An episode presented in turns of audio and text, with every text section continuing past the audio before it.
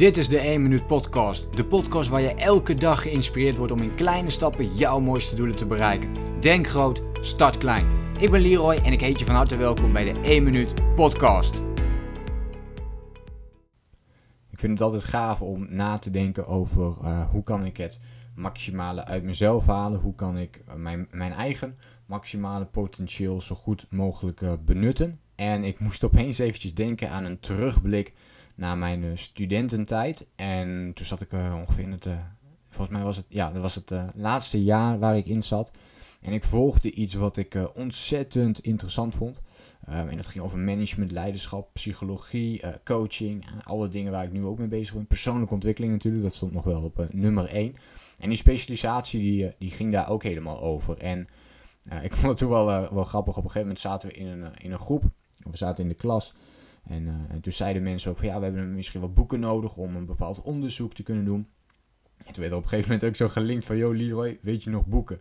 He, want uh, voor, uh, voor, voor, mij ben je, ben je een wandelende encyclopedie. En ik vond dat toen wel grappig. En vandaar ook de titel van deze podcast, de wandelende encyclopedie. Want weet je, als je gewoon ergens heel goed in wilt worden, dan moet je er ontzettend veel over lezen. Je moet gewoon doordrenkt zijn ervan. Je, je, je wilt het ook allemaal tot je nemen. En dat was bij mij toen ook het geval. Dus ik, ik kende heel veel boeken vanuit management, leiderschap, uh, vanuit de specialisatie. Maar veel meer boeken daarnaast nog, omdat ik het gewoon las in mijn vrije tijd.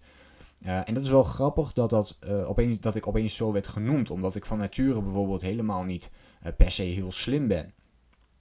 ik ben een, een, een, doodgewone jongen eigenlijk. Die gewoon altijd keihard heeft gewerkt voor zijn studie. Om in ieder geval goede cijfers te kunnen halen. Maar dan ook echt keihard heeft gewerkt ervoor veel uren erin heeft gestopt. Dus het is zeker niet zomaar gekomen. En ja, dan, is het dan, dan kun je het toch, ik zag het tenminste wel zo, als een compliment zien. Dat mensen je op dat moment dan toch een wandelende encyclopedie noemen. maar uh, weet in ieder geval dat ik daar ontzettend veel leesuren in heb gestopt om al die boeken door te nemen, daarmee bezig te zijn. En dat wil ik je ook meegeven. Dat wil ik je meegeven voor, uh, voor vandaag. Wordt een, een wandelende encyclopedie. nee, zonder gekheid. Uh, eigenlijk is het helemaal niet zo'n uh, hele gekke tip voor mij. Wordt een wandelende encyclopedie. Zorg ervoor dat je alles in je opneemt. Als jij heel goed wilt worden ergens in, zoek dan dat thema op. Ga de boeken over lezen. Ga de video's over bekijken. Ga de podcast naar luisteren. Zodra je gaat wandelen, gaat fietsen ergens. Of, en, en laat jezelf helemaal doordrenken met al die informatie. En natuurlijk uh, pin dat voor jezelf vast. Hè? Dus dat je maar bijvoorbeeld, uh, laten we zeggen, één uur per dag informatie in jezelf mag opnemen. In het begin, als je net begint, mag je natuurlijk wat meer informatie in je opnemen. Want dan heb je dat nodig om in actie te komen. Maar weet je eigenlijk al heel veel.